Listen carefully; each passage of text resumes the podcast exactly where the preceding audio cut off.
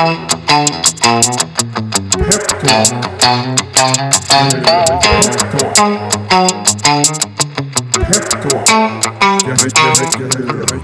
säger vi äntligen måndag och varmt välkomna till ännu ett avsnitt av Peptalk. Välkommen Dan, hur, är, hur mår du? Det, eh, jag mår bra och eh, jag känner mig riktigt taggad. Det känns som att vi ska bränna av Peppins och Peptalks bästa podcastavsnitt någonsin. Igen. Även den här veckan ja. Även den här veckan. Hur mår du då Filip? Ja, men jättebra tycker jag. Det är, eh, det är fredag när vi spelar in som vanligt och det är kanelbullens dag idag. Så att man börjar bli lite sugen här. Du har sagt att vi kanske ska äta en kanelbulle efter idag. Det, det tycker jag. Har du fått i dig någon hittills? Nej, det har jag inte. Det har jag inte. Men en grej som jag hunnit göra idag är att eh, jag gick in och kikade, apropå förra veckan då, eh, så pratade vi gigekonomi och då skrev jag en liten fråga på, på Twitter.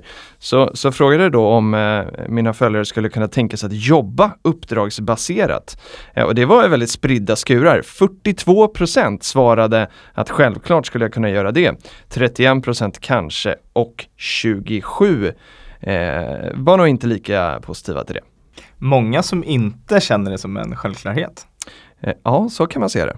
Du väljer att äh, tänka så. Det är det mest valda alternativet, men det har ingen majoritet. Exakt. Vi hoppar vidare till äh, den följetongen vi kallar bilen. Hur går det med den dagen? Jag tror att den följetongen kommer fortsätta. Jag har inte hört någonting om den på någon vecka här. Så att jag tågpendlar. Tågpendlar, det är bra för klimatet. Även om jag vet att du har en klimatsmart bil. Men det kan vi återkomma till en annan gång. Har du sett filmen The Founder? Jag har hört talas om den men jag har inte sett den och när jag förberedde mig inför den här inspelningen så ja. tänkte jag att jag ska faktiskt titta på den här men då fastnade jag framför en annan dokumentär Betting on Zero heter den som handlar om Herbal Life. Okej, okay, den har jag hört talas om. Ja, jag med tills nyss men när jag inte sett The Founder. Vill du upplysa mig? Ja men det ska jag göra. The Founder, det är en spelfilm och som alla spelfilmer nu för tiden så är den based on a true story. Eh, och The Founder handlar då om de här The Golden Arches och det är ju de här McDonalds M eh, som man eh, kan se ut med vägarna, vägarna och som stoppar det stoppade då hungriga förbipasserade i San Bernardino i Kalifornien eh, och blev sen då en av världens mest kända snabbmatsställen. Okej, så filmen handlar om McDonalds och deras bolagsresa? Ja. har vi en potentiell spoiler alert vi? Vi har det den här veckan också. Jag fick ju feedback från en lyssnare att jag eh, var tvungen att pausa förra avsnittet. Så till Nikolas säger jag att pausa eller spola fram. Eh, du får välja. Eh, för du som inte har koll på historien om McDonalds då, eh, så ska jag berätta lite här. Den här filmen är från 2016, men den utspelar sig då på 50-talet och handlar om den här kringresande säljaren som heter Ray Kroc som med en kromad armbåge åker längs en sån här Route 66-väg. Det kan också vara Route 66, det vet jag inte. Men han åker i alla fall från vägkrog till vägkrog eh, och hoppas då att någon ska vilja köpa hans milkshake-maskiner. Eh, han framstår verkligen inte som eh, speciellt eh, liksom framgångsrik, det går ganska trögt. Men av någon anledning då, han stannar till ibland och liksom ringer in till kontoret och frågar hur det har gått. Eh, och eh, då berättar hans sekreterare att han har fått en stor beställning från ett drive-in i Kalifornien. Så Ray åker då till det här San Bernardino för att möta sin storkund och där får han uppleva då det här enormt populära snabbmatsstället som heter McDonalds. Det här stället drivs av eh, två bröder, de heter Mac and Dick, eller kallas Mac and Dick. Eh, och de har utvecklat då någon form av eh, så matflödessystem för att det ska vara supersmidigt och enkelt att både laga och leverera hamburgare då. Den här Ray Kroc då eh, blir helt fascinerad över det här och snackar sig in hos bröderna med stora, och då menar jag stora dollartecken för ögonen. Eh, han pitchar ett koncept på att det här bolaget borde ju kunna liksom bli en franchise. Eh, men de här försiktiga bröderna menar att de har provat den grejen förr. De är lite rädda för att släppa kontrollen då. Men Ray ger sig inte. Följer inte riktigt, vad har det här med någonting att göra? Det är en jäkligt bra fråga. Ja, kan vi säga att the rest is history eller? Ja, det kan vi göra, men det finns någonting som stör mig något oerhört med den här framgångssagan. Mm. Det kän känns som att vi har en potentiell rant här Filip. Vad är det som stör dig? Ja, det som stör mig i den här är att eh, känslan med den här Ray Kroc-figuren, som man i början tyckte ganska synd om, eh, är att han såg liksom en vision, man liksom gladdes med honom. Eh, han eh, åkte runt och kämpade och kämpade och sen kom man någonstans, såg dollartecken och så bara wow, nu öppnar en resa här. Han såg ju någon potential i vad de här genuina och nöjda McDonalds-gubbarna då eh, hade utvecklat och så vässade han sina kromade armbågar lite grann eh, för att komma dit och eh, då är det inte lika charmiga armbågar längre. Eh, det blev ju inte helt konfliktfritt det här. I början på 60-talet sen så köpte Ray Kroc ut de här bröderna för 2,7 miljoner dollar och därifrån så kan vi säga att the rest is history. För idag är bolaget värt eh, kollade häromdagen då, 156 miljarder dollar. Och vad, liksom förtydligande här då, vad är det som stör dig? Han köpte ändå ut bröderna ja. där och då för 2,7 miljoner dollar. Det känns som att det kan vara en bra affär. Ja, men det, det som stör mig är att så här, jag vill ju tro på någon form av schysst ekonomisk utveckling och 2,7 miljoner dollar, ja där och då, säkert fantastiskt. Men sen när man liksom har hela storyn så känns det som att det är någonting som är lite girigt och naivt, eller liksom eh, girigt i det här. Det är jag som är naiv förmodligen. Men, men, men, men det känns, nej, ingen god känsla i magen. Vad, vad menar du med det? Kan, kan du utveckla lite? Jag har eh, en, en ganska, liksom, jag jobbar ganska mycket med magen när jag investerar i aktier. Eh, så att liksom, jag som aktiesparare identifierar mig väldigt mycket skulle jag säga med de innehaven som jag äger eh, och lever liksom gärna som, som jag äger också. Eh, och i det här fallet då skulle det kunna vara om jag ägde McDonalds så skulle jag gärna gå och konsumera deras eh, burgare. Men efter en sån här film då, och eh, nu tänker folk det var ju en film, men kom ihåg den var ju based on a true story. Eh, så, så liksom avslutades det med att jag hade en feeling om att den här Ray då, han brädade de här genuina snälla hamburgergubbarna eh, på ett sätt som var ganska liksom onajs. Eh, och då blev blev jag bara väldigt osugen att köpa aktierna. Eh, och anledningen till att jag reagerar på det här sättet är för att eh, ofta så är det precis det omvända. Ofta är det en sån här typ av historia som gör att jag faktiskt börjar titta på ett bolag som jag sen också kanske investerar i. Mm -hmm. När var du på McDonalds senast då? Det kan ha varit, äh, det, det, är faktiskt inte så länge sedan. Så att det höll kanske men jag har inte investerat. Mm. På pottkanten Filip? På pottkanten. Nåväl, vi går vidare.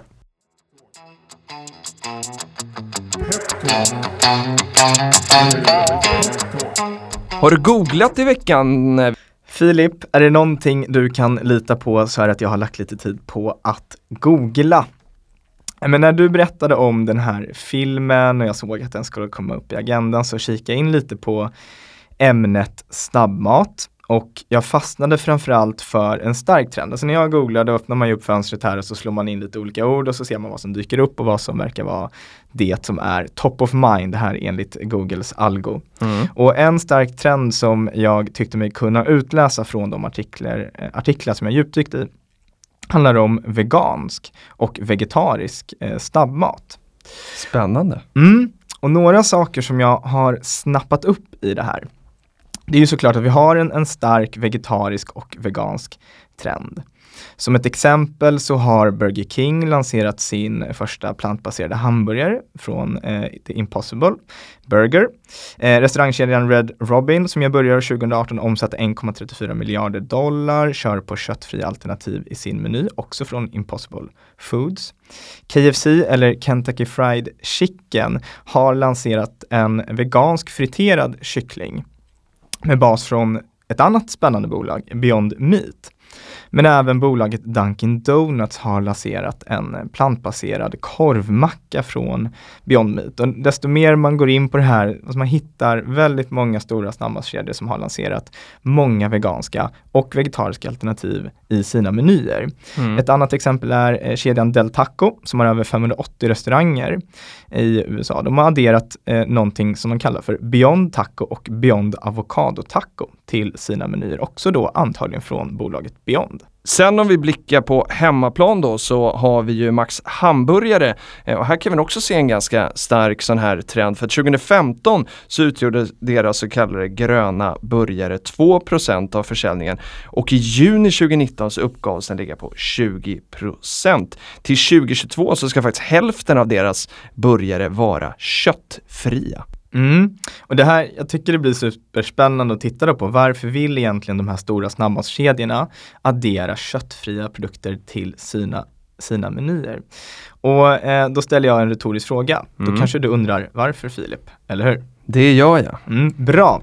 Eh, nu citerar jag Liz Cannenberg, hon är creative director på eh, Brandon Story och var med i en intervju som gjordes i Forbes. Och hon lyfte upp lite siffror här från sociala medier. Konversationerna runt ordet vegan eller vegan på Twitter ökar med 136 procent mellan 2014 och 2019. Eh, med över 11 mi miljoner Twitter-omnämningar på ordet vegan under 2019 så kan man se att intresset ökar ytterligare hela tiden. Och det här är ju någonting som snabbmatsställena vill rida på. Och den 5 mars, på min födelsedag. Jag noterar det nu. Bra, det var det jag ville. Så gick det att läsa och höra på en intervju eh, i Sveriges Radio som Jordbruksverket eh, hade gjort. Och där lyftes det fram att svenskarna äter mer kött än invånarna i till exempel Norge och Ryssland, men också mer än EU-genomsnittet och världssnittet. Dock så har konsumtionen av kött minskat från föregående år, både år 2017 och 2018. Under 2018 2018 så åt vi i genomsnitt 83,5 kilo per person och år, eller 229 gram per dag. Ett jämförelsetal där, det kan vara att i USA så äter genomsnittspersonen cirka 100,8 kilo per år enligt US Department of Agriculture. Och det var all time high. Alltså. Så där ser man att trenden fortfarande ökar. Alltså det här är ju, det, det låter väldigt mycket. Du käkar liksom en, en, en eh, kroppsvikt i kött. Det är väldigt mycket. Men tittar man ändå på när man läser på om det här så verkar det framförallt vara miljö och klimatfrågan som är drivande i den minskande köttkonsumtionen eller viljan att dra ner på animaliskt protein. Men såklart också hälsoaspekten. Men det kanske inte är det som är, eh, eller det som är störst då när snabbmatskedjorna ska lansera veganska och vegetariska alternativ. Men eh, på tal om då McDonalds, Burger King, Max Hamburgare, hur ser dina snabbmatsvanor ut Filip?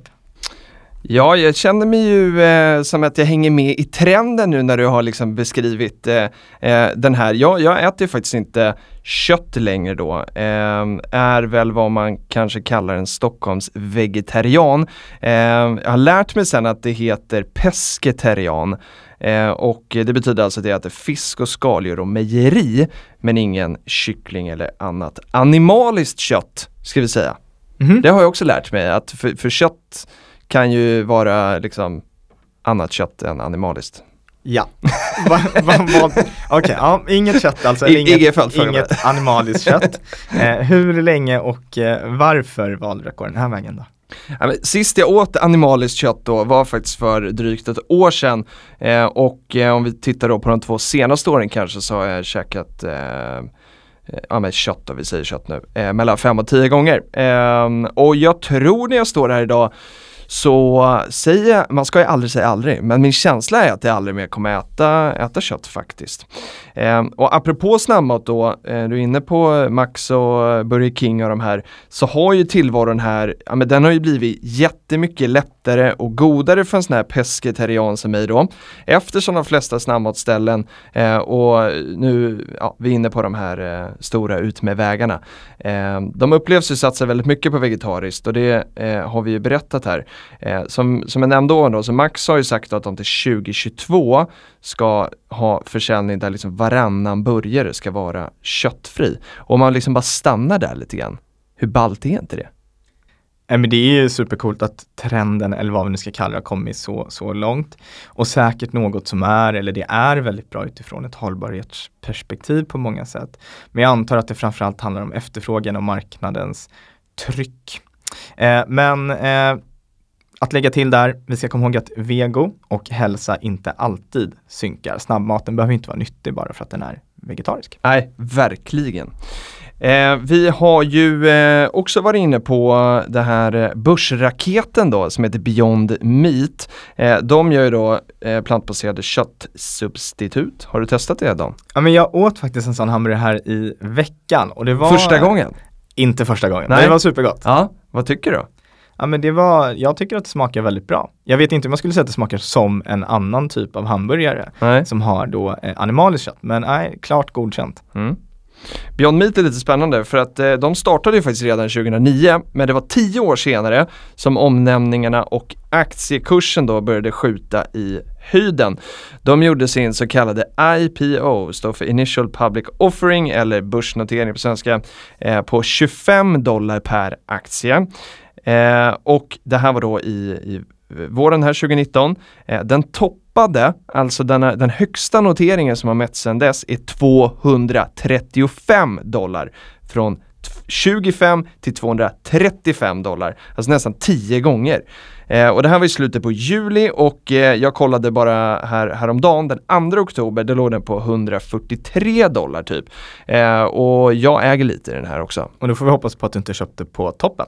Nej, jag trodde verkligen att jag köpte på toppen. Jag köpte i juni någon gång när den hade så här verkligen gått flera, flera gånger. Men av liksom anledningen att jag tycker att det här är ett brand och igen då någonting som jag liksom vill identifiera mig med så vill jag ha det här i portföljen även om det säkert gick emot liksom eh, allting man har lärt sig i alla aktieskolor när någonting har skjutit i höjden så. Så gjorde jag det. Eh, och eh, jag var ju uppe riktigt bra där till toppen. Jag är fortfarande på lite, lite plus. Men jag läste lite estimat som eh, finns en brittbank som heter Barclays eh, och de menar då att marknaden för plantbaserad kan komma att öka med mer än 1000% de kommande 10 åren. Och då, eh, för att sätta det lite perspektiv, så ska det nå 140 miljarder dollar och det är 1400 ungefär miljarder eh, kronor då. Det är helt sjukt. Det är massivt. Det är väldigt massivt. Barclays tror ju också att eh, det är klimatförändringarna, eh, det är oron för djuren, eh, alltså hur de behandlas då, eh, och den allmänna trenden för välmående som driver den här, eh, den här prognosen då. Eh, och det är väl, gissar jag, den här typen av siffror som har eldat på eh, Beyond Meats aktiekurs. Och, och, det känns ju inte helt orealistiskt om man också tittar på det exemplet som du lyfte upp här kring Max Hamburgare och deras försäljningsökning av eh, gröna burgare som i och för sig började från låga tal men har ökat med, vad är det, över 1000 procent de senaste åren. Mm. Och jag tycker att det här, det blir en superintressant marknad då när man tittar på den. Eh, är det verkligen en trend eller har det här blivit mainstream? Jag menar McDonalds och Burger King har vegetariska och veganska hamburgare som alternativ. Mm. Eh, är vi mainstream nu? Ja men det är vi nog. Eh, sen, sen finns det ju en debatt i det här som, eh, eller debatt, men eh, vissa tycker så här att ja, men, eh, varför ska man göra kopior på någonting? Det är okej att äta liksom eh, icke-köttprodukter men varför ska man göra en hamburgare som ska likna någonting som en hamburgare? Inte bättre att bara äta någonting liksom, eh, vegetariskt. Eh, och där tycker jag att eh, det är eh, fel att tycka att det är fel med kopior. Jag gillar ju kopiorna, jag gillar ju en maträtt. Eh, och sen eh, om du och jag vill gå och käka en hamburgare, så jag tänker också att jag blir, ja, men jag blir sugen på en hamburgare. Då ska inte jag tänka att nej men en hamburgare är bara kött. Man ska kunna få äta plantbaserat. Så Precis. är det. Och du är ju då, vad sa du, Stockholms eh, vegetarian? Ja, typ. Ja, och pescetarian, då får du äta fisk om jag förstått Just det, det rätt. Stämmer. Ja. Och när jag såg att, äh, att äh, eller jag har ju förstått det sedan tidigare också, men att du är pescetarian, mm. så gjorde jag lite äh, research här och förlängde min Dan googlar punkt. Och eh, även jag eh, viktar åt det veganska och vegetariska hållet. Jag tror inte jag är lika nitig som du. Nej. Men eh, sen är jag också halvjapan. Och jag älskar havet, men det, det, är lite svårt. Jag är väldigt svag för, för sushi. Eh, så jag scoutade faktiskt ett, ett, bolag till dig här som jag tycker mm att du ska mhm. kika in. Vad heter eh, de? Ja, men bolaget heter Ocean Hugger Foods och okay. de gör något som de kallar för ahimi. Eh, vilket jag tänker med en spelning då på sashimi, som är ett mm. plantbaserat alternativ till rå tonfisk och unami, ett plantbaserat alternativ till färskvatten ål. Är det någonting som du skulle kunna tänka dig att testa? Ja det låter ju härligt. Jag gillar också sushi eh, och eh, gillar också havet och inte bara att bada i det. Så att, eh, ja men det här, det här ska jag absolut kika, kika närmare på. Sen eh, kommer jag ställa en väldigt eh, kort fråga till dig Dan. Och det är så här, vad står det på kurvan? Mm. Precis, eh, det, det är en liten en liten luring där. Ja, det är lite luring. Ja, men vi, när vi tittar på det här och, och, och pratar om trender och, och, mainstream och sånt, så det finns lite olika modeller eh, som beskriver hur vi väljer att ta till oss av kanske ny teknik eller nya idéer, men också hur produktcykler ser ut. Och en vanlig modell eh, som eh, jag vet att eh, många känner till och några och många kanske inte känner till den. Men den kallas för eh, diffusion of innovation. Och man brukar visa upp den i en så kallad bell curve. Jag vet inte vad det heter på svenska. Kurvan. Kurvan då. Du, du förstod inte kopplingen här. Ah, kurvan är alltid bell curve. Aha, ja. Från och med nu. Men nu, nu är jag med på det. Så i alla fall då, vart jag står på kurvan. Det finns lite olika böcker på det här ämnet då eh, och den kanske mest kända är Innovators Dilemma. Men det finns också en annan bok som heter Crossing the Chasm. Och den sista rekommenderar jag verkligen. Den handlar egentligen om hur man går från early market till mainstream market där bolag börjar tjäna pengar. Rekommendationer i den här podden också. Eh, bokrekommendationer får vi ge men inga andra rekommendationer görs och ger förutom dokumentärsrekommendationer. Mycket bra. Och eh, i de här kurvorna, vi kanske länkar till dem sen i avsnittsbeskrivningen. Det kan vi väl göra så delar man in kunderna egentligen i fem olika kategorier. Tänk dig att man börjar längst från vänster, de som alltid vill testa nya saker först. Det kallar man för innovators eller technology enthusiasts.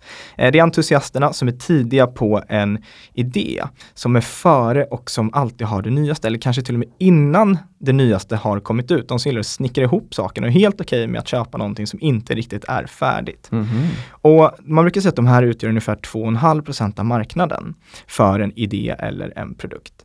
Och enligt den här teorin då så hävdas det att för att nå en mainstream market så måste du först nå innovators med din produkt innan du kan gå vidare till steg nummer två som är early adopters eller visionaries. Det är de som fortfarande är tidigt ute och när de köper in någonting så har de en idé eller tanke om vad den här produkten ska kunna bli. Det är fortfarande okej okay att det inte riktigt funkar till 100 procent. Mm. Eh, men de tycker, det, man skulle kunna likna det med de här människorna som tycker att det är värt att stå och köa i 12 timmar för att få den senaste iPhone-luren. Man uppdaterar med det nyaste vill vara tidigt trenden. Och de står i kö trots att de vet om att de kunde, kommer kunna få den här om två veckor ändå. Mm. De här utgör ungefär 13,5% av marknaden för en idé eller produkt. Och sen finns det ett gap mellan då de här två första innovators och early adopters, the chasm. Mm.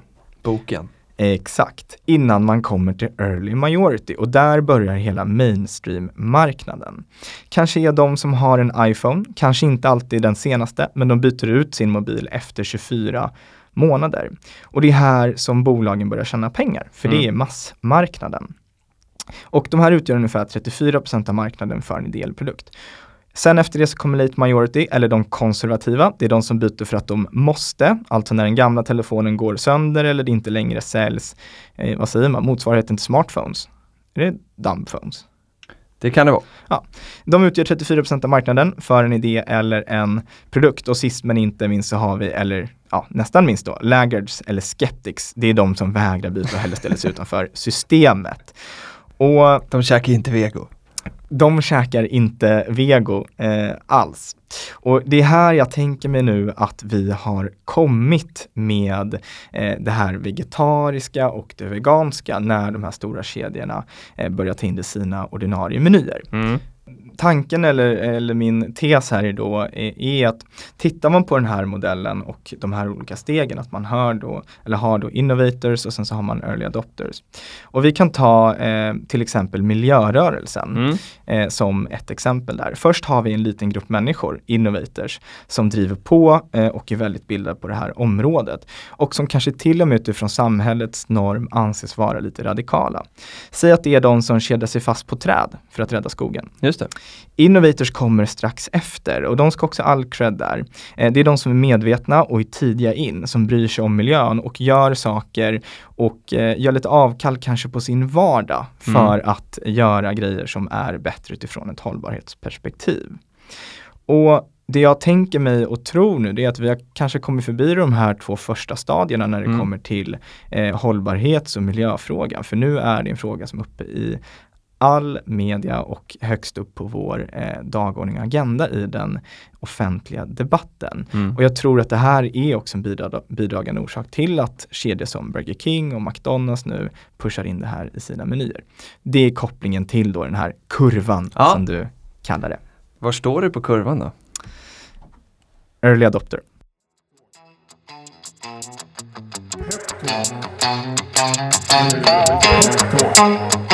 Nu då tycker jag att det är hög tid att vi eh, ringer och snackar med ett proffs eh, precis som vanligt. Vad tror du om det? Yes, och förslaget är att vi ringer Sebastian Schauerman, professionell kock och grundare av den veganska fastfoodkedjan Taku Taku. Perfekt för ämnet. Inga fler förslag? Då ringer vi.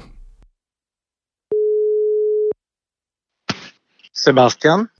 Hej Sebastian och eh, varmt välkommen till eh, podden Peptalk.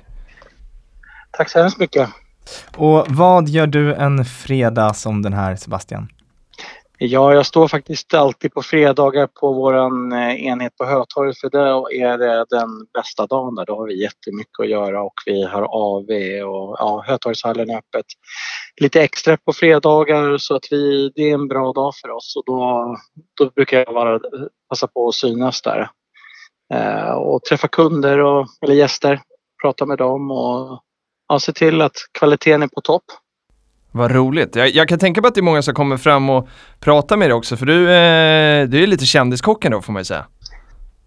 Men brukar vara, faktiskt vara så att när jag står i kassan och sådär så brukar det faktiskt komma lite extra människor och vi brukar sälja lite extra så att det, jag försöker och jag har ju ganska mycket att, att göra men jag försöker eh, jag står på schemat två eller tre dagar i veckan i alla fall för att stå där under lunchen när det är som mest att göra. Eh, bara, bara just därför för att det är viktigt eh, för kunderna att få, få ett ansikte också tror jag. Mycket bra. Men Sebastian, om, du, du har ju varit kock i över 30 år. Hur kommer man på att man ska laga vegansk fast food? Ja, men det, det slumpade sig egentligen. Jag fick ett, ett litet projekt som jag gjorde tillsammans med med fest, eller säga, konsertarrangören Luger och Live Nation och då ville de ha ett veganskt koncept under en hel sommar då på lite olika för att prova det här äh, som nu är standard på, på många festivaler att ta bort allt kött. Och äh, då var jag, tog jag fram ett koncept som funkade. Och sen märkte jag ju att men det är ju inte bara veganer som kommer utan det är ju faktiskt gemene man som vill äta mera grönsaker och, och de kände att det här är ett bra koncept. Här kände jag mig välkommen som köttätare och fick tillfällighet att äta någonting gott som var veganskt och då tänkte jag men det kanske är, finns en öppning här.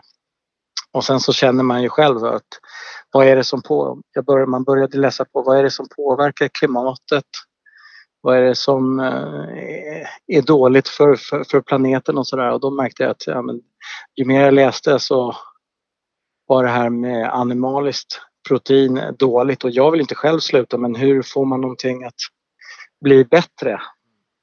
Och jag ville göra någonting som att bara jag skulle bli vegan, det kändes som det ger inte så mycket effekt men tänk om jag kan servera flera hundratusen portioner om året. Det borde ju ge någon sorts effekt. Och då kände jag men det här det vore kul att ta fram ett koncept eftersom de koncept som fanns tyckte inte jag var så spännande. Och vi, jag tror att någon etablerad i kockbranschen behöver ta de här första stegen för att det ska hända någonting. Och, och det får man ju verkligen säga att du är då med den erfarenheten du har. Och, och, så här, det här kan ju vara lite ledande fråga, men om du ska sätta handen på hjärtat och liksom bara beskriva om det finns någon begränsning i att laga mat utan de här, eh, eller det här animaliska proteinet då, som vi kallar kött? Det kommer ju massa det är klart att det finns begränsningar i brist på kunskap. Men ah. ju mer man håller på desto mer upptäcker man. Sen är det en uppsjö av massa nya proteiner som eh, jag kanske inte kommer igenom min, eh, min kvalitetskontroll vad det gäller smak och tillsatser. Jag försöker ju bara använda rena produkter i min verksamhet. Men det finns ju, alltså när det blir en boom av någonting då kommer det en uppsjö av massa saker och sen så är folk glada att de har jättemycket att välja på för de har inte haft någonting tidigare.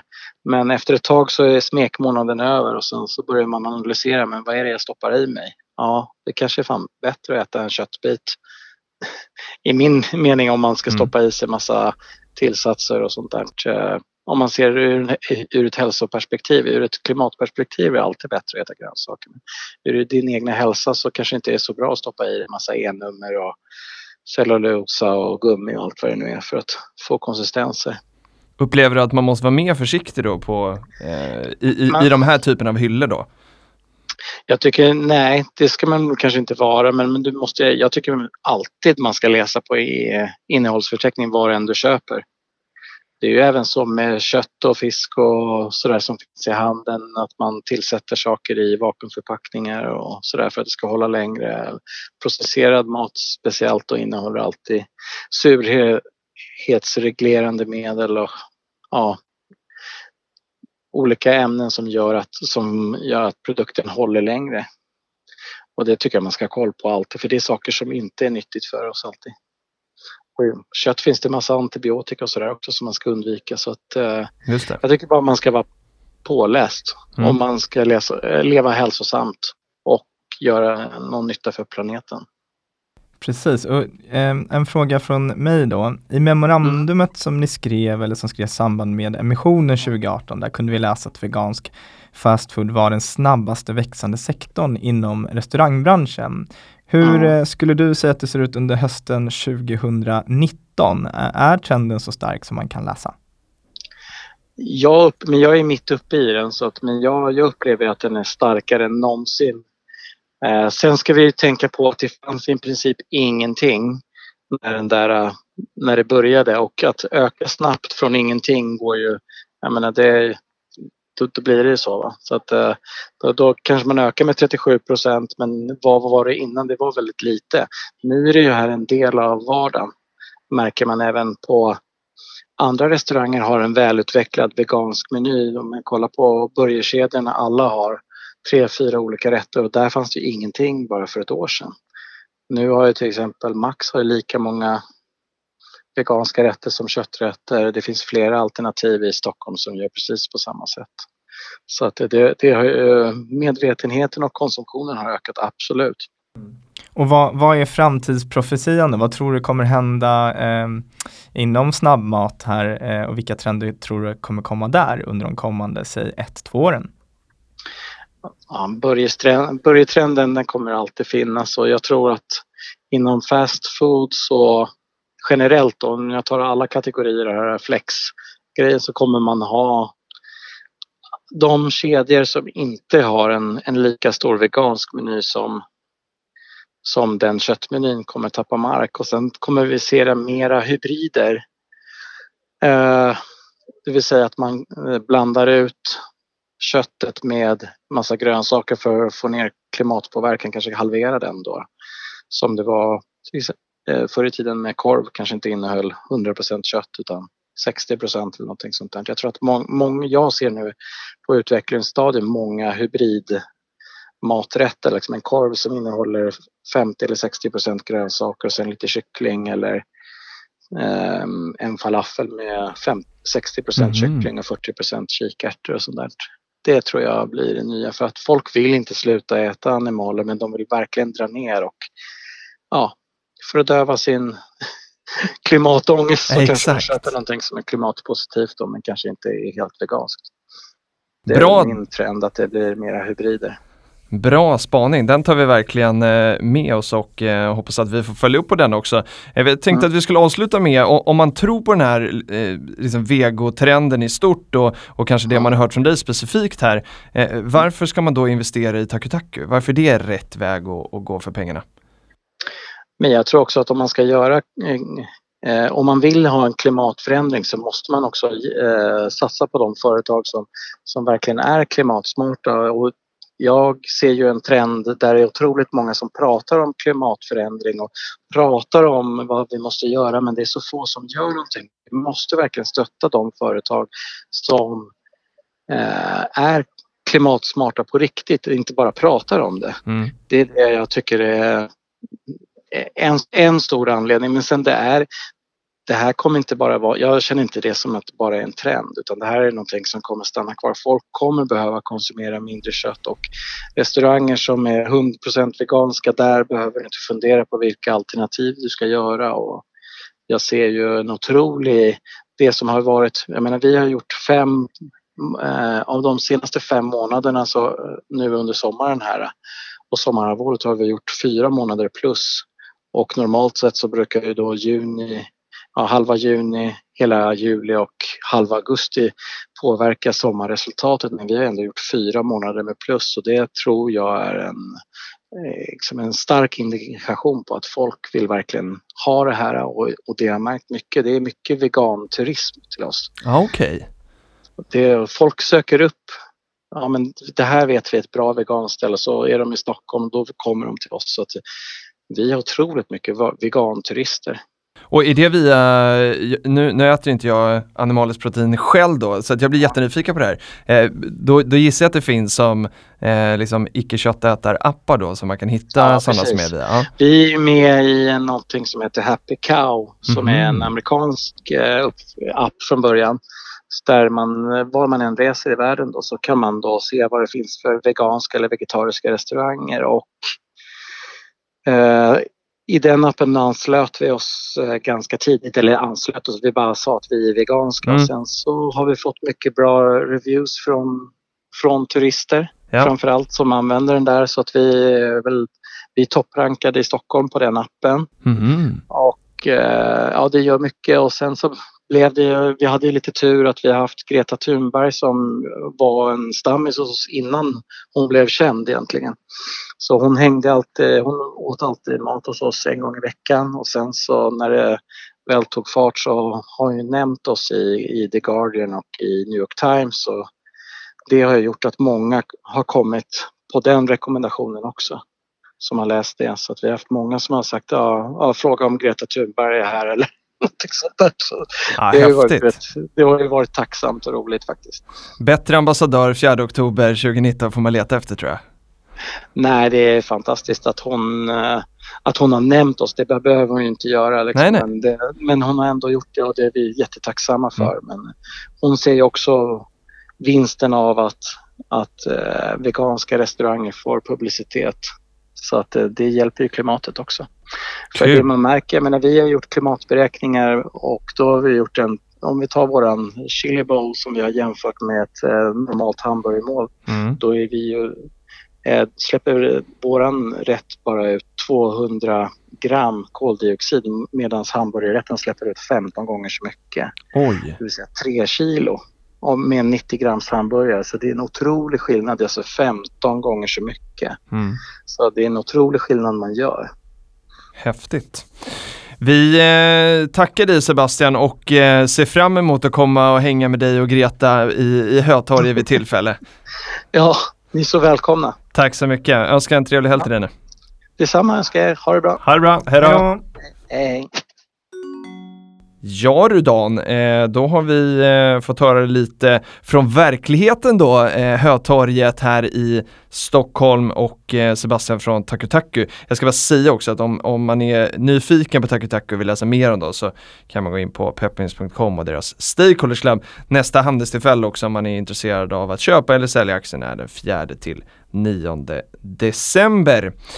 Dan, jag tänker så här om det här samtalet att det är två egentligen liksom nyckelord som sticker ut lite grann här. Eh, och det ena är att eh, det finns ett fokus på hälsa och det finns ett fokus på liksom klimatet. Och då tänker jag med din kurva, så tänker jag vad händer när en person kliver in på ett snabbmatsställe som är köttätare, ser den här menyn med massa kött och eh, andra icke-köttprodukter.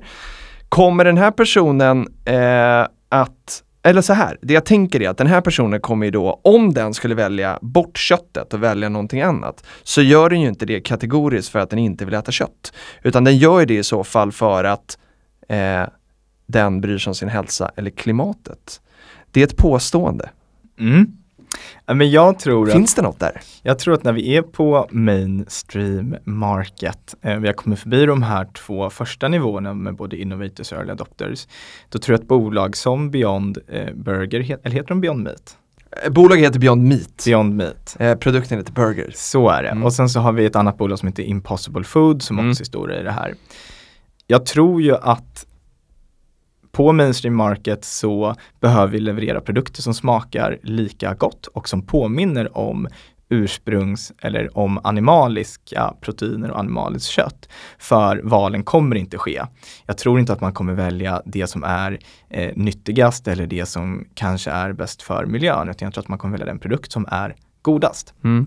Ett annat exempel där, eh, det finns en, en, en amerikansk eh, biltillverkare som gör elbilar. Och den bilen har varit ganska hypad. Mm. Och tittar man på vilka som köper den här bilen så är det definitivt inte bara som köper den för eller av miljöskäl. Nej. Utan många som köper den köper den för att det är en riktigt häftig bilupplevelse. Mm. Och det här stora amerikanska bilmärket då, som heter Tesla eh, har verkligen drivit på hela elbilstrenden.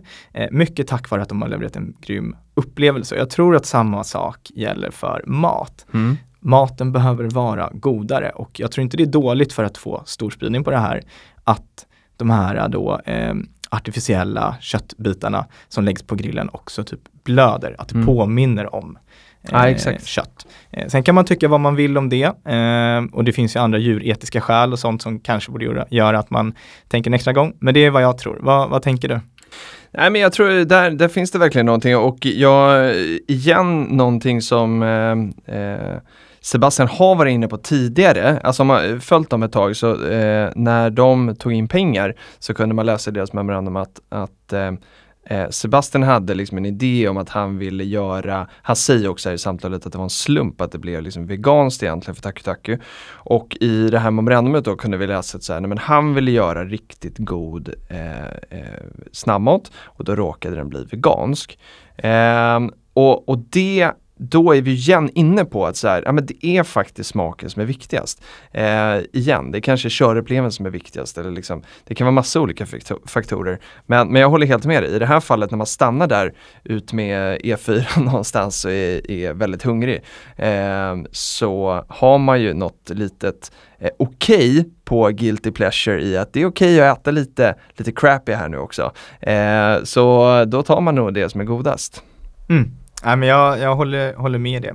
Ett annat begrepp som jag tyckte var intressant här, det var veganturism. Eh, Jag har hört Just det. talas om att man åker för, till ett ställe för att man vill uppleva matkultur och sådär. Men Ja. specifikt veganturism, det var nytt för mig. Verkligen, mig också.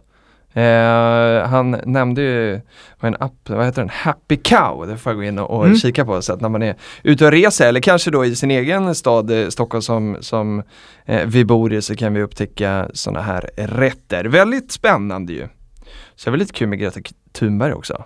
Mm. Att hon var en stammis där innan det tog fart, en gång i veckan. Och den typen av PR, den ska man inte tacka nej till. Viktigt med sådana här att det är innan också. Det, det hade i och för sig varit coolt efter med på något sätt att hon liksom väljer det med den profilen eh, hon, hon har blivit. Eh, och den, eh, ja men liksom för det hon missionerar för också. Men eh, häftigt när man kan säga att så här, nej men det var genuint för det. Mm. Sen tycker jag att det är inspirerande med, med entreprenörer eh, som gör någonting åt saken. Han nämnde ju här att alla pratar men få, få gör faktiskt saker och det känns klokt, även om det var en slump att han hamnade just här. Mm. Att gräva där man står och titta på vad man kan göra själv. Ja men det, jag gillar det. Sista vi eh, skickar med och upprepar är ju det här att när vi går i matbutikerna, våga vänd på paketet och titta vad innehåller det? Jag eh, har blivit bättre på det ska jag säga, eh, men eh, det finns nog mycket kvar där. Eh, Sebastian pratar om rena produkter. Jag väljer att tolka det som att det ska vara eh, så lite tillsatser som möjligt. Det ska vara så nära liksom eh, jorden det bara kan komma, eller var det nu kommer ifrån. Bra Dan, då är det dags att eh, avrunda det här eh, avsnittet. Hur eh, är bulltarmen? Börjar den skrika nu? Ja, men jag blir taggad på bullar. Eh, jag ska gå ut och kika om det finns några bra veganska alternativ där ute. Eh, eftersom det är kanelbullens dag idag. Men eh, ja, det känns gött. Hur tycker du att det känns efter dagen? Jag tycker också det känns, det känns riktigt gött. Eh, man, eh, man, man lär sig alltid något nytt. Eh, och här har vi lärt oss mycket om snabbmat idag och roligt också igen att få, få input från ett eh, proffs. Det är ju fredag och Sebastian eh, har ju sagt att han står där på Hötorget på fredag så att vi kanske ska smita förbi på vägen härifrån eh, och kolla om det verkligen stämmer. Eh, vi tänker i alla fall så här att vi vill höra vad ni lyssnare tycker också. Eh, maila gärna till peptalk.peppins.com eller skriv till mig eller Dan på sociala medier. Eh, ni hittar oss enklast tror jag via eh, Peppins konton och då är det at joinpeppins på Instagram och på Twitter. Och sen får ni såklart jättegärna prenumerera på podden. Vi finns på Soundcloud, Acast, Podcaster och Eh, Spotify där ni vill helt enkelt. Och så ska vi avsluta med att säga att den här podden produceras för Peppins och att inget av det här innehållet ska ses som finansiell rådgivning. Investeringar i aktier är förenat med risk som innebär att man kan förlora delar eller hela det investerade kapitalet.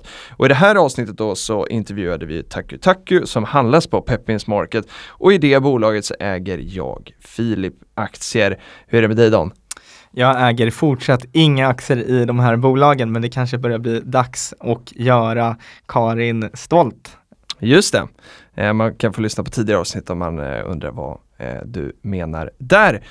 Hörni, stort tack för att ni har lyssnat idag. Vi önskar er en superhärlig vecka. Ta hand om er. Hej då!